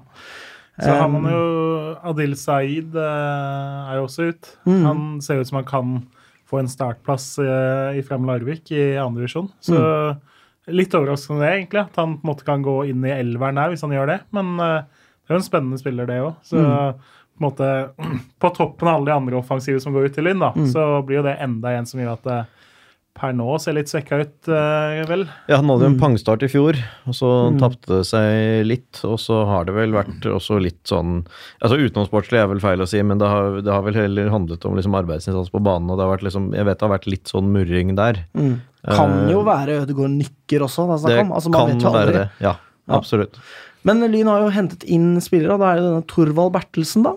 Ja. Som uh, spilte null kamper. Null mål, null gule kort. ja. Null alt. Like Så mye veldig- som, eh, som oss. Ja. Ja. Så veldig bra ut da i førsesongen. Jeg så han spille litt, eh, ble ganske imponert. Eh, Det var det. Ja. Men vi snakker jo om Anwar, og han må jo erstattes på et vis. Og Lyn har da hentet Mathias Pedersen Aasan.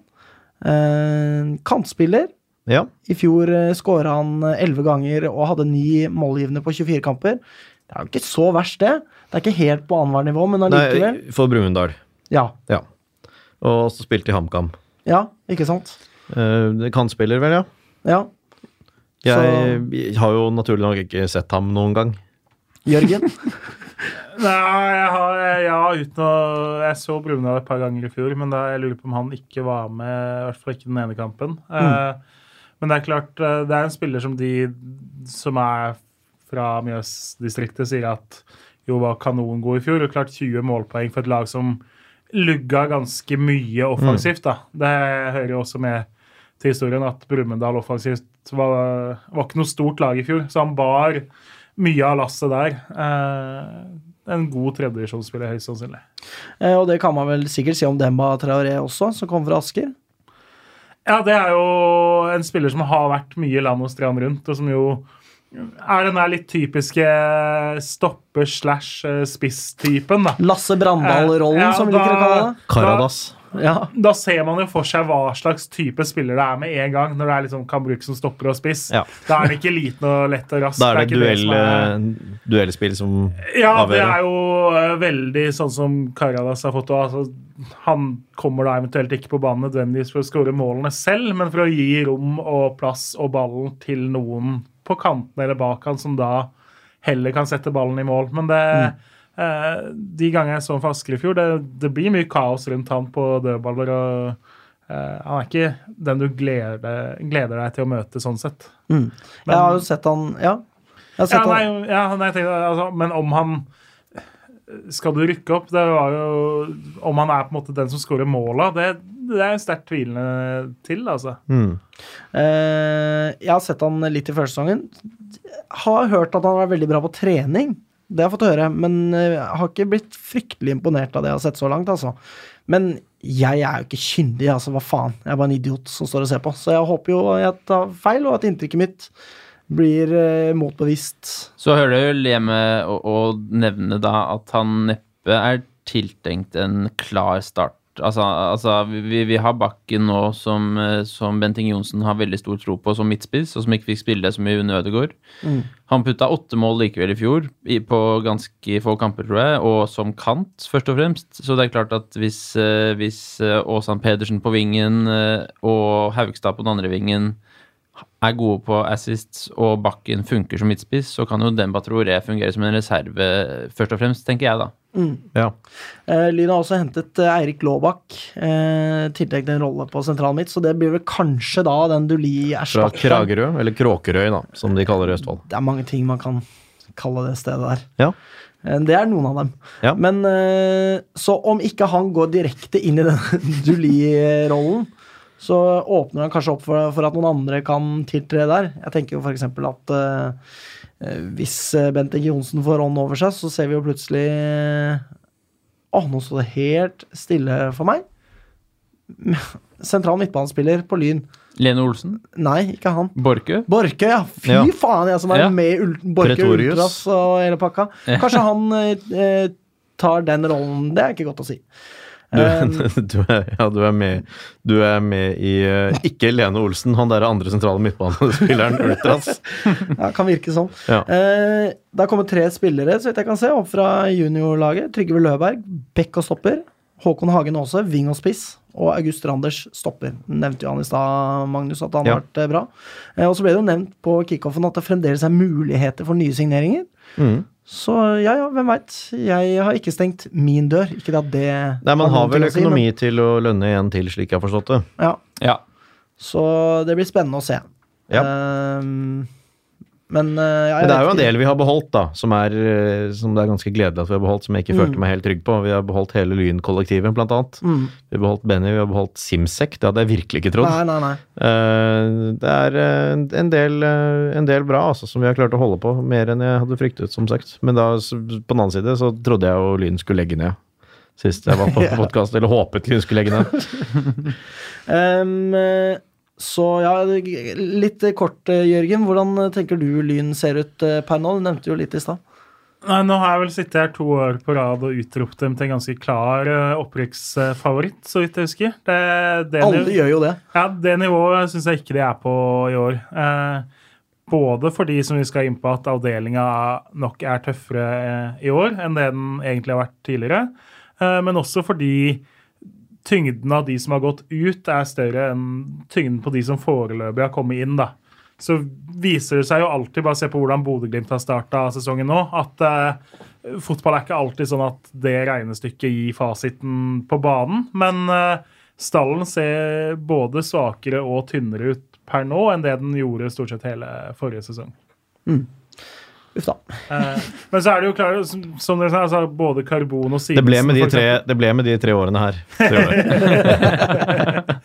Nei, men altså, man kan jo hente spillere på amatørkontrakt veldig lenge fortsatt. da. Eh, mm. som, altså, Karbon og Simensen, eksempel, skulle begge de to spille for Lyn det meste av kampene den sesongen her, så endrer jo det regnestykket ganske mye, det òg.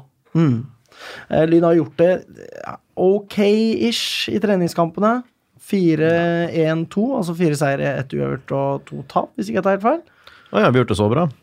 Jeg har ikke det. Jeg har ikke fulgt med. 2-2 mot eh, Bærum, 4-1 tap for Kjelsås, 2-1 seier over Lukke, 3-1 seier over Drøbak Frogn, 2-1 tap for Ullern, 3-2 seier over Skeid 2. Ble, Ja, ble ikke det 4-1-2? Det ble sikkert. cirka. Men uh, med ganske varierende startelver også, må vi jo ta med her, da. Ja. Eh, helt klart. Så eh, jeg sitter ikke igjen med liksom en sånn 'yes, nå tar vi dem'-følelse etter første sesong. Det gjør jeg ikke.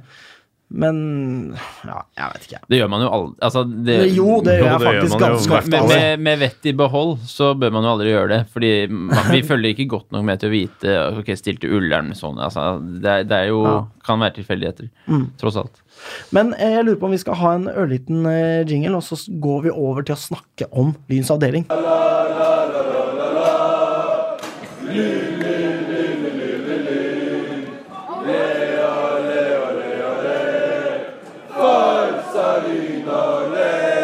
Fordi da skal du virkelig få lov til å skinne her, eh, Jørgen. Dette her er jo ditt bord.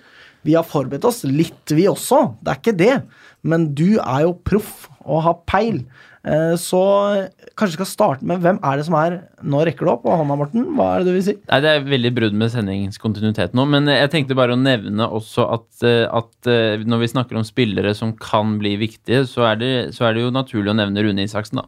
Som fortsatt er i troppen, og som, som jo potensielt sett tross alt er en svært god spiller på det nivået. Som for øvrig også slutta å høre på podden vår da jeg uttalte at Lyn ikke fortjener oss som fans. Eh, Ja, Vi er nok ikke først og fremst ment for spillerne, Nei. men de som orker å høre på likevel, setter jo veldig pris på det. Ja. Men vi er jo et supportermagasin, Han avslørte jo dette på kickoff, Ja. som vi var på, der Morten vant på lodd. Jeg vant på lodd, ja. Ja. Men uh, et håp jeg har, er jo at han kan komme tilbake som for fullt, var det jeg egentlig bare skulle si helt til slutt. Ja. Ja. Uh, vi sier jo for øvrig all slags hårreisende ting som faller oss inn, så folk må nesten bare ta det med i regnskapet, da. Men uh, hvem er bunnskrapet i avdelingen her, Jørgen? Fordi jeg ser jo det at uh, Norild har rykka opp, Mjøndalen 2 har rykka opp. Hva tenker du? Drøbak Frogn. Ja, vi kan jo starte med Drøbak Frogn. Det er jo uh, Der går det dårlig. Ja, der er det, det er mye utenomsportslig, for å si det sånn. Det er, Ja. Hvis Lyn eh, skulle ha noen konkurrenter i at det er ikke kjedelig å følge klubben, så, uh, så er Drøbak Frogn høyt oppe der. Uh, kort fortalt så har jo det handla om at A-laget har brukt altfor mye penger over Mm. altfor mange år. Eh, og når du bruker mer penger enn du har over veldig mange år, så begynner klubbkassa å gå tom eh, etter hvert. Eh, Ja, de har Wait, byttet, byttet ut Byttet ut styre, byttet ut styre, så vidt jeg vet. Kvitter seg med administrasjonen. Ja, Ja. Det, det har vært altså, når det er klassikere, altså Breddeavdelinga og junior aldersbestemte avdelinga er jo misfornøyd med at de må betale høyere baneleieavgifter og medlemskontingenter for å lønne A-lagsspillere. Det- Skjønne den som skjønner det, kan liksom. Og Teitur Tordarsson er, han har vært sykemeldt i tillegg nå. Han har hatt noe operasjon av noe hofte eller kne eller et eller annet. Eh, de har sparka daglig leder. De har sparka en fyr som har vært sånn oppmann, alt mulig mann og liksom populær figur rundt laget. da. Han Det var det var noe illsinte- Leeds-fyren fra heimbane, sånn cirka, kanskje? Ja, omtrent han som flyr rundt i Lyndrakt. eh, Nei, Leeds-drakt Leeds-drakt, eh, der, ja. Det var noe illsinte leserinnlegg eh, begge veier, Ja, fra både styre og, og Ja. ildsjeler. Og summen er altså Drøbakfjorden har jo ofte vært et sted som folk har dratt fordi de har betalt anstendig for å lokke folk ut fra Oslo-fotballen til å pendle til Drøbak og spille der. Eh, det stopper naturlig nok en del nå som, økonomien er som den er. Likevel så har de beholdt det meste av laget og har på en måte en helt OK elver på papiret nå. Men så er det sånn at det, det ser ut som et korthus som kommer til å kunne rase. og eh, Sliter de, så kan det hende at veldig mange forsvinner til sommeren. Det ser jeg for meg som veldig trolig. da. Eh, syltynn tropp, det har de alltid hatt. I fjor så måtte de hente tilbake folk som har lagt opp for to og tre og fire år siden, og hadde liksom 12-13-14 mann i tropp på hjemmebane og sånn. Så selv om den elveren de kan stille nå i starten ikke er så ille, så er det veldig mye med klubben og laget som tyder på at det her blir eh, tungt utover når det er 26 kamper. Det ser sårbart ut. Ja, nei, så, det, så de, de er definitivt et lag som ser ut som de går ned. Og det, man har jo noen av de Vareg Varegg i fjor var litt samme i Bergen, har vært gode lenge, og så blir alt krangel og bytter og spilleflukt og totalt elendig. Litt samme casen er det fort i Drøbak eh, i 2019, tror jeg. Eh, så det står mellom dem og Noril og Mjøndalen 2, kanskje? Ja, ja altså Noril regner man jo med er nede der. og det er Litt fra erfaringa med Bjørnevatn i fjor, som da kom opp fra Finnmark og viste seg at uh, tredje divisjon altfor høyt nivå. Uh, fikk juling i de aller fleste kamper, spesielt borte. Uh, så har jo da Norild slo ut Skarp nå av cupen. Skarp rykka jo rett nok ned i fjor, men hevda seg jo OK likevel eh, i den avdelinga. Ja, absolutt. 3-1 borte mot Skarp. Eh, Sondre Bergstedt Flått skåret for Skarp. Han fortsetter. Han ble der. Yes. Ja. Ja, nei, så, Men eh, man regner med spesielt i det som jo er en tøff avdeling, at Norild de eh, havner godt nedi der og høyst sannsynlig under nedrykksstreken. Uh, Mjøndalen 2 har jeg større tro på, egentlig. Eh, har blant annet da, sånn at juniorlaget deres vant nasjonale serien i fjor. Eh, nå er det en juniorserie som har et ekstremt B-preg. da. Nesten alle de gode klubba er ikke med.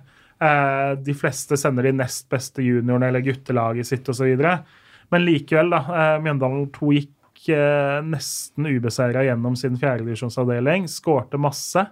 Uh, Førstelaget har en ganske bred tropp, hvor det er mange unge spillere som er på benken. Så det gjør at de kan stille tre-fire av de i tillegg til to-tre rutinerte spillere da, i ganske mange kamper. Tror egentlig at eh, altså Før de begynte å låne ut et par De har lånt ut uh, en god spiss til Strømmen, lånt ut en midtbanespiller til Notodden. da. Uh, hadde de to blitt værende, så hadde jeg nesten vært troende til å putte dem på øvre halvdel. Eh, så er jo ikke andre lagene så enkle å spå, men jeg tror Mjøndalen to er gode nok til å ha i hvert fall en 3-4-5 lag under seg når sesongen er slutt. da. De havna jo 15 poeng foran andreplassen i fjor, og med 113 plussmål. Og Magnus, eh, du kan da tenke deg hvordan dette her er når Kongsberg Ja. havner Ah. på femteplass i den avdelingen. Eh, De var i, men 34 poeng bak førsteplassen. Ja. Det er et suverent fjerdedivisjonslag vi snakker om. Mm, Og en fyr, har du hørt om han? Eh, Nå har jeg gjort research. Alfred eh, Rikard Skriven. Ja, Skriven, tror jeg. Skriven, ja. Han, Det eh, er dårlig research, Morten. han, er jo, han skårte jo nå 4-4-mål mot Bodø-Glimt, eh, blant annet. Ja. Eh, har vært en av de beste spillerne i eh, oppkjøringa til eliteseriesesongen. Eh, Ja. skårte, han skåret mye i vinter da, for førstelaget. Og så eh, skårte han da det viktige 4-3-målet borte mot Sogndal i fjor, som da gjorde at de eh, var på kurs mot opprykk. Ja. Vi kan kanskje håpe på at han er så god at, han, at vi slipper han litt, da. Han, han er så god at uh, han holder på å fullføre videregående. Har da et par måneder igjen. Uh, det klaffer litt dårlig med utlån til klubber i førstedivisjon, som gjerne trener da i firetida. Eh, Mm. Når han da vil bli boende i Mjøndalen og gå på skole til tre kvart over tre på hverdager. Eh, han hadde ellers vært utlånt i førstedivisjon og eh, er nok trolig en spiller Altså Mjøndalen kommer til å hente et par i sommer, da. Han kommer da fort til å bli lånt ut til førstedivisjon. Jeg tipper han ligger på et mål i snitt per kamp i vår, og så spiller han førstedivisjon for Notodden, Strømmen, Kongsvinger, et eller annet sånt noe i høst, tipper jeg. Ja. Vet dere hvem som er trener for Mjøndalen 2? Fy fader, du er on fire, Nei, hvem er det? ikke. Det er Bjarne Kortgård Ingebrigtsen. Oi. Oi. Oi. Nå ble jeg glad. Ja, jeg ble også litt glad da jeg så det. Og trist. Og trist. Ja. Ja da. Men så hvem er det som blander seg inn i båndet? Er det Reddy? Er det Ullern? Ja, altså Reddy tror De har jo jeg nå spådd ned et par år. Jeg syns jo de eh, De henter jo litt sånn sjarmerende, for de henter veldig mye fra fjerdedivisjon. Nå har de henta et par til fra Kongsberg, blant annet, og sånn. Eh, mista da Finn på topp. Eh, Finn Badou. Jord, som Ja. vi kjenner så godt til. Han har jo gått til nabo Ullern. Eh, så har de henta Simen Høgli igjen fra Valdres Ja. isteden. Han husker vi. Ja, eh, ikke sant? Så det er gamle lynkjenninger. Han har klippet seg, han. Ja, han, det, han var jo, han slo igjennom i denne eh, reality-serien for veldig lenge siden først. Ja. Uh, Valdres Teens. Ja, Ja, ja, ja, stemmer det. Stemmer det. Eh, men han nå er jo en spiss det ikke er Altså Begge de to er jo spisser det ikke er er godt å møte da, i duellene. Mm. De kan jo ta for seg. Men Dagbladet omtaler Finn Badojor som stjernespiss, faktisk, på det nivået her. Det syns jeg var litt sånn overraskende. ja, Men, litt, grann, eh, han har vel ikke eh, Han har jo ikke 100% matchdeltakelse de siste sesongene. Har vel ikke vært den som på en måte nødvendigvis har vært med mest på kamper og treninger, da, sånn jeg har skjønt det. Men Men du ser jo på fyren at hvis ting klaffer, hvis ting Ja. stemmer, så kan han dominere, altså. mm. Ja da, eh, han, men han krever jo litt spesifikt hvordan du spiller. Altså, han Ja. har jo sine svakheter òg, så han kan spilles god eller han kan spilles dårlig ut fra hvordan laget velger å spille. da. Men eh, ja, for meg så er jeg redd i et lag som kommer til å være nedi der. Eh, driver jo da nøkternt med måten de henter spillere på og sånn, men det er jo en gang sånn med en tabell at tre lag må ende på nedrykksplass her. og det er med unntak av Drøbak, Frogn og Norild, så er det vanskelig å finne lag som har eh, dårligere forutsetninger for 2019-sesongen som tropp og klubb ser ut per nå. Eh, Jonas Rygg har jo slutta som trener der nå. Han er jo gått til Strømmen, hvor han er assistent eh, isteden. Mm. Ja, til eh, hva han nå heter. Som vi sikla så Jeg i hvert fall sikla så intenst på at skulle komme til Lyn. Han eh, Åh, er det ingen som husker det? Han veldig unge som kom fra Moss. Å ja, ja, var, jeg husker Ole ikke hva han heter. Martin jeg. Nesselquist. Ja, jeg visst, ja. Ja. Stemmer. ja. Reddy er et sånt uh, lag jeg blir liksom lettere deprimert over at Lyn spiller seriekamp imot. Fordi jeg forbinder dem altså med en ski-ski og eh, sånn barnefotball. Forbinder dem altså med en ski. jeg forbinder dem med én ski og barnefotball, og det skal ikke ha noe med Lyn å gjøre. Nei. Det er jo et lag Lyn egentlig skal møte til sånn eh, byderby i første runde i cupen. Det det. Sånn egentlig. ja, så er det koselig, og så liksom bare maltrakterer vi dem totalt, liksom. Ja. Ja. Lager noen sånne der NFF-bilder av dem, liksom. Men, eh, men det er et par andre Oslo-lag også. altså Grei og Lokomotiv Oslo. S- som jeg sånn umiddelbart ville tenke at nok var nedre halvdel. Mat Grei leverte jo veldig veldig bra i fjor, uh, til seg å være. De endte vel på øvre halvdel. Ja, da, de kom seg jo veldig utover de. Eh, Har mistet uh, Haugseth. ja, han har gått til Råde. Ja.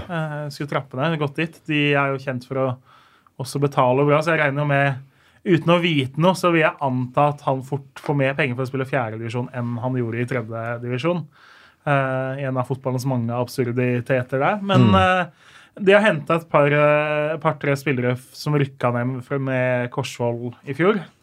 Eh, ellers er det ganske uendra. Røyket for Heming i cupen. Eh, så det er liksom Grei er også et nedre halvdel-lag, definitivt. Eh, Lokomotiv Oslo mista treneren sin for eh, andre år på rad. Eh, I fjor så sendte de treneren sin til Eidsvoll-turen, som syntes da Oi, Lokomotiv så ålreit ut, vi tar treneren der. Nå er det Ullern som da har henta treneren det.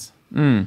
Eh, også ikke altfor store endringer i troppen. De har vært eh, tøffe å score på. Har ganske målfattige kamper de siste sesongene. Så ligger på en måte utfordringa deres i da å score nok. Eh, og der kan man jo også potensielt glede seg til å møte sønnen til Bjørn, Bjørn Dæhlie, faktisk.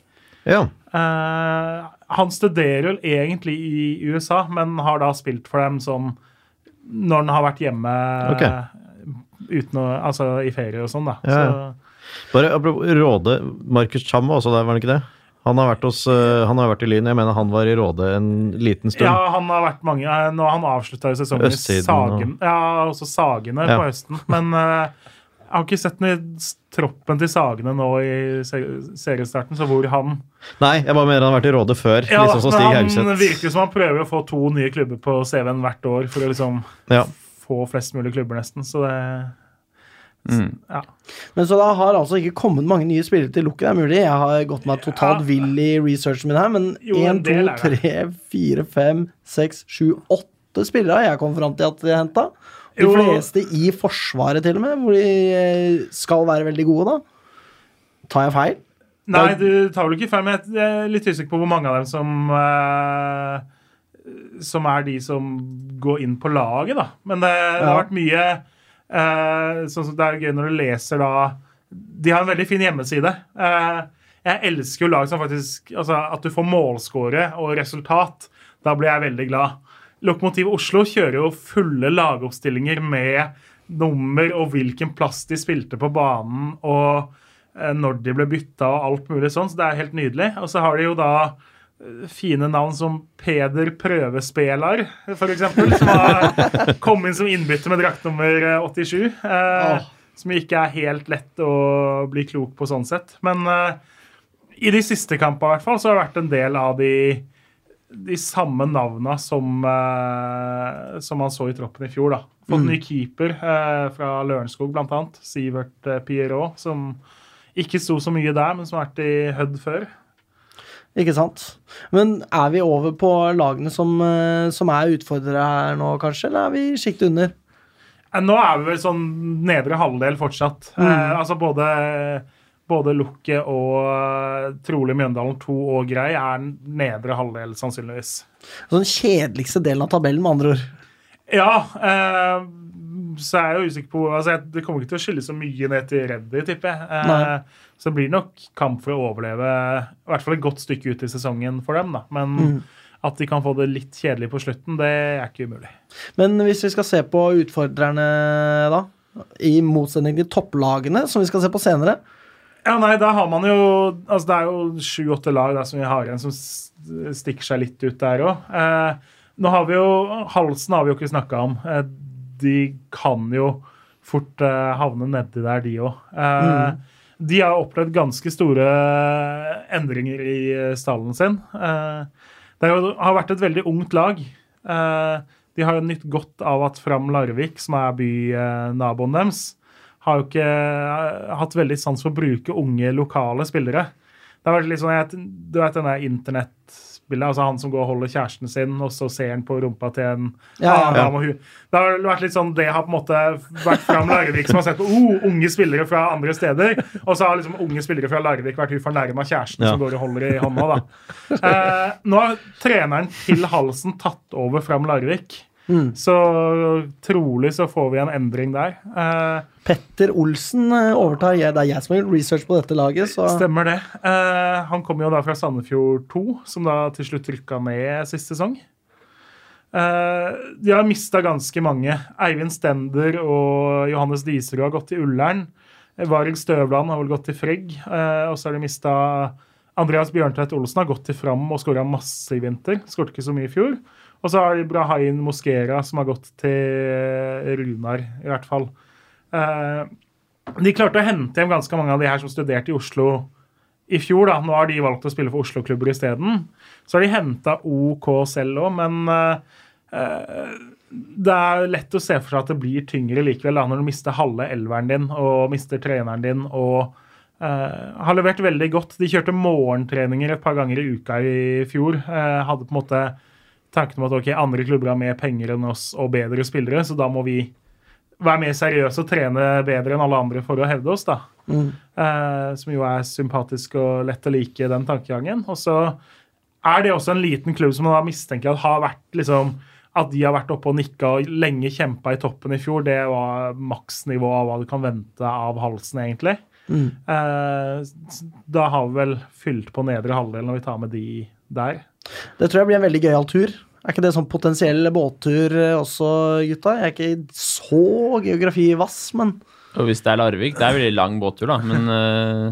Ja, men det er jo ikke nødvendigvis noe å kimse av. Det er jo også sånn de har en eh, fantastisk eh, klubbsang de har fått seg, laget av Morten Vestli Band. Og nå kan dere høre, jeg har gjort researchen min.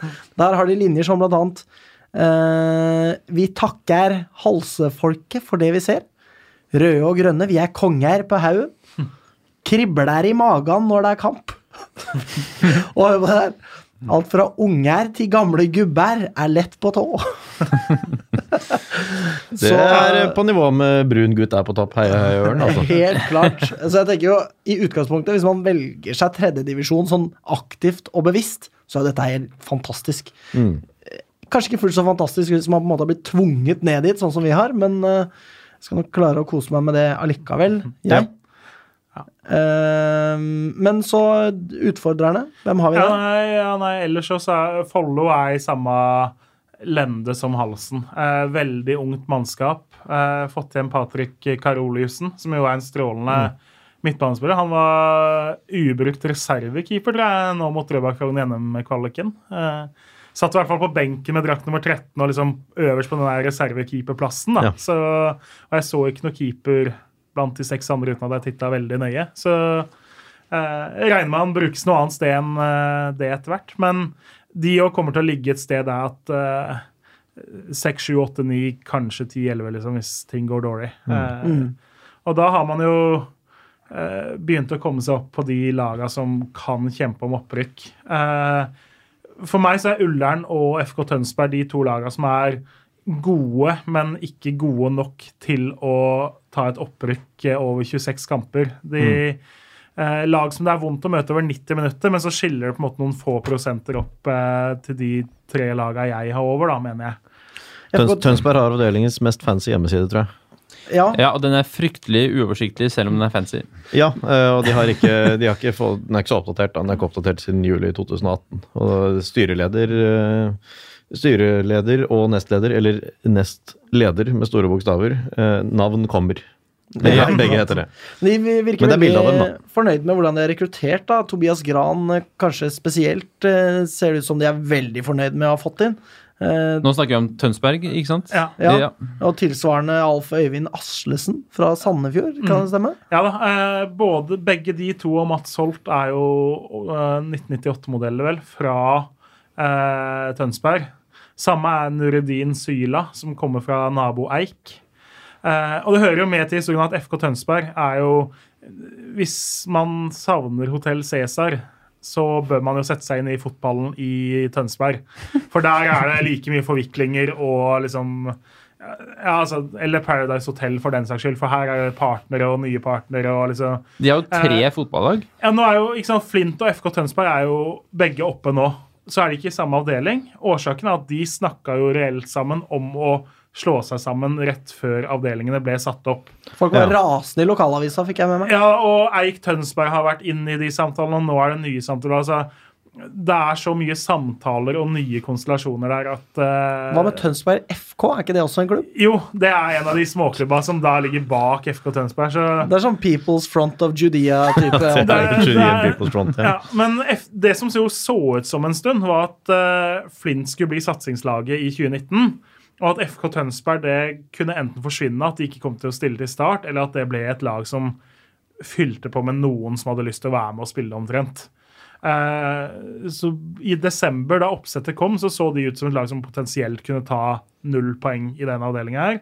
Så har de henta de unggutta her, beholdt en del andre, fått hjem eh, Rygel fra Danmark. Så de har liksom de har landa ekstremt mye bedre på beina enn det det så ut som lenge, og er nå ikke noe nedrykkslag. De er kanskje topp fem-lag. Eh, fortsatt litt tynn bredde og sånn, men alle de fire 98-gutta som har kommet inn, er gode spillere.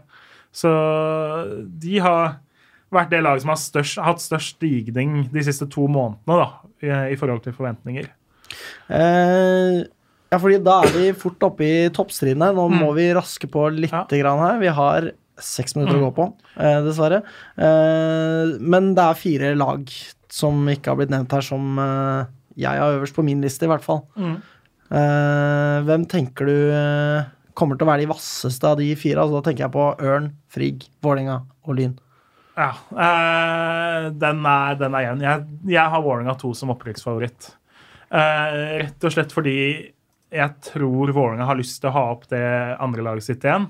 De syns at andredivisjon er Det er bl.a. med på å gjøre at de kan lokke til seg unge spillere da, som ellers spiller tredjedivisjon, og vise dem at hei, du får faktisk gå opp et nivå.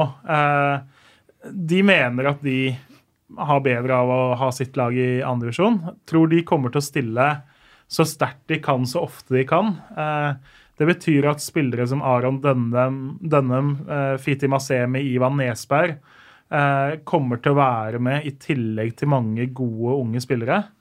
Så er det alltid usikkerhet rundt annet lag, og noen ganger skal de spille før førstelaget, noen ganger så spiller de mens førstelaget har ferie. Da gjør det å passe seg. Uh, så ikke sant, De klarer ikke å stille bra i alle 26 kampene, men de kommer til å stille bra nok ofte nok til at jeg, jeg har de som favoritt. Men uh, i noen andre avdelinger så har du veldig klare favoritter. Her så er det mer åpent.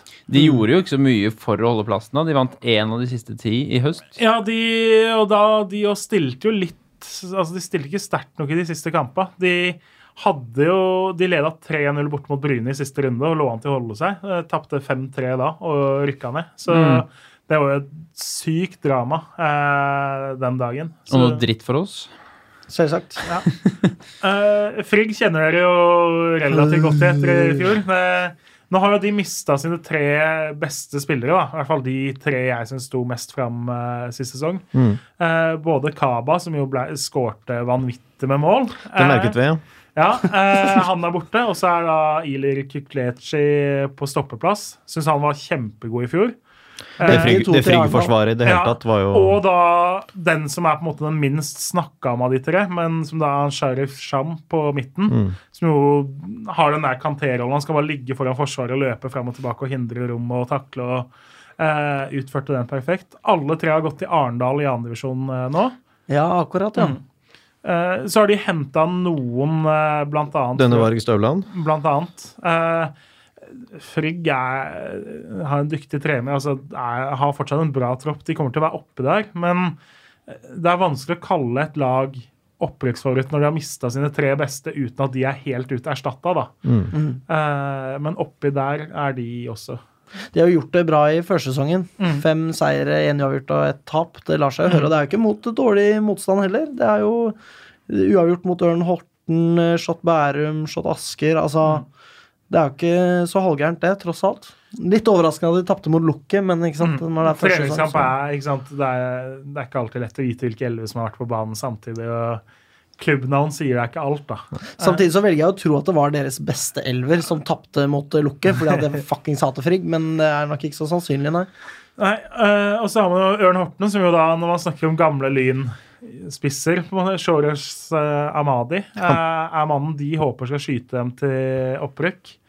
Uh, Henta hjem en gammel helt i Alen Patros, som har spilt fjerdedivisjon. Ja, han har vært borti litt av hvert. ja, eh, han har hatt, vært litt omsvevende. Ja. Ja, både fotballmessig og, og annet. Eh, men han Og eh, annet, fortell lytterne hva det er snakk om, da! snakket om det i fjor. Han hadde, altså han hadde en fengselsgreie og litt sånn forskjellig. Og han, det var noe, da han var ung, så var det en litt bråk også med noe utestengelse osv. Mm. Men, eh, men han, han har spilt eh, 236 kamper og skåret 61 mål på ti sesonger før han gikk til Eik i fjor. og Da var det litt dårlig stemning, tror jeg, men så ble man enige om noe, og det gikk greit. Og nå er han tydeligvis tilbake igjen. da. Og så har de ikke minst da beholdt keeperen Miguel Vieira. Eh, Vi møtte dem jo i fjor og fikk eh, juling, så vi husker jo også noe av Han eh, har jo vært på prøvespill to ganger i Mjøndalen eh, i vinter. Blant annet sto han siste eh, kamp før sesongstart. Eh, fikk ikke kontrakt der. Han er jo egentlig altfor god for norsk tredjevisjon, men flytta til Horten pga. kjærleiken. Eh, oh. møtte da ei fra Horten, om det var et sted i Syden. Eh, og ble da med på flyttelasset oppover. Så Ørn fikk jo egentlig en strålende keeper som bare banka på døra hos dem. Eh, det er jo eh, Så det får jo være et tips til Lyn. Send eh, Send kvinnfolket si, til siden og be dem ta med seg noe. Jeg er usikker på om det er lov eh, å Nei, det er vel men noen det, sånn trafficking-bestemmelser her, ja, det kan hende de bryter noen sånne Interpol-paragrafer og sånn, men, eh, Altså, hvis Lyn rykker opp, så Ja. er jeg villig til å ofre det. Men det, det var i hvert fall eh, lykke for Ørn både at han kom, og Mm. nå at han da går på en ny sesong for dem. Så Spent på om Arjan Gashi får noen minutter i år. Nei, han spilte en del i fjor. Han har vel Nei, han har gått, eh, sett for han har blitt jobber i NFF Krets eller ja. ja. Mm. Svin. Ja, det kan man jo alltid si om Men de, de slo Tønsberg i generalprøven, Mm. eh, og var jo nummer to bak Sola i fjor, foran da nettopp FK Tønsberg. Ja, De leda jo ganske klart veldig lenge Ja, der. det, før de sommer, sommeren så var de jo langt foran. rota lenge, og så slapp de vel inn 3-3 på overtid mot Sola, som til slutt avgjorde hele opprykksdelen der, mener jeg. Så eh, for dem så var det liksom 2018 som var en stor mulighet i en avdeling egentlig uten klare opprykkskandidater, da. Eh, men de også kommer til å være oppi der, eh, de også. Eh, så, sånn for, for meg så er det Vålerenga to som per nå stikker seg ut, og så er det da Ørn, Lyn og Frigg som er de tre som er reelle opprykkslag. Og så klaffer alt for Ullern eller FK Tønsberg, så kan de også blande seg inn. Eh, det er de seks lagene som trolig kommer topp seks eh, i den avdelinga her. Og med det så tror jeg vi går videre til å snakke litt om den kommende kampen mot FK Tønsberg.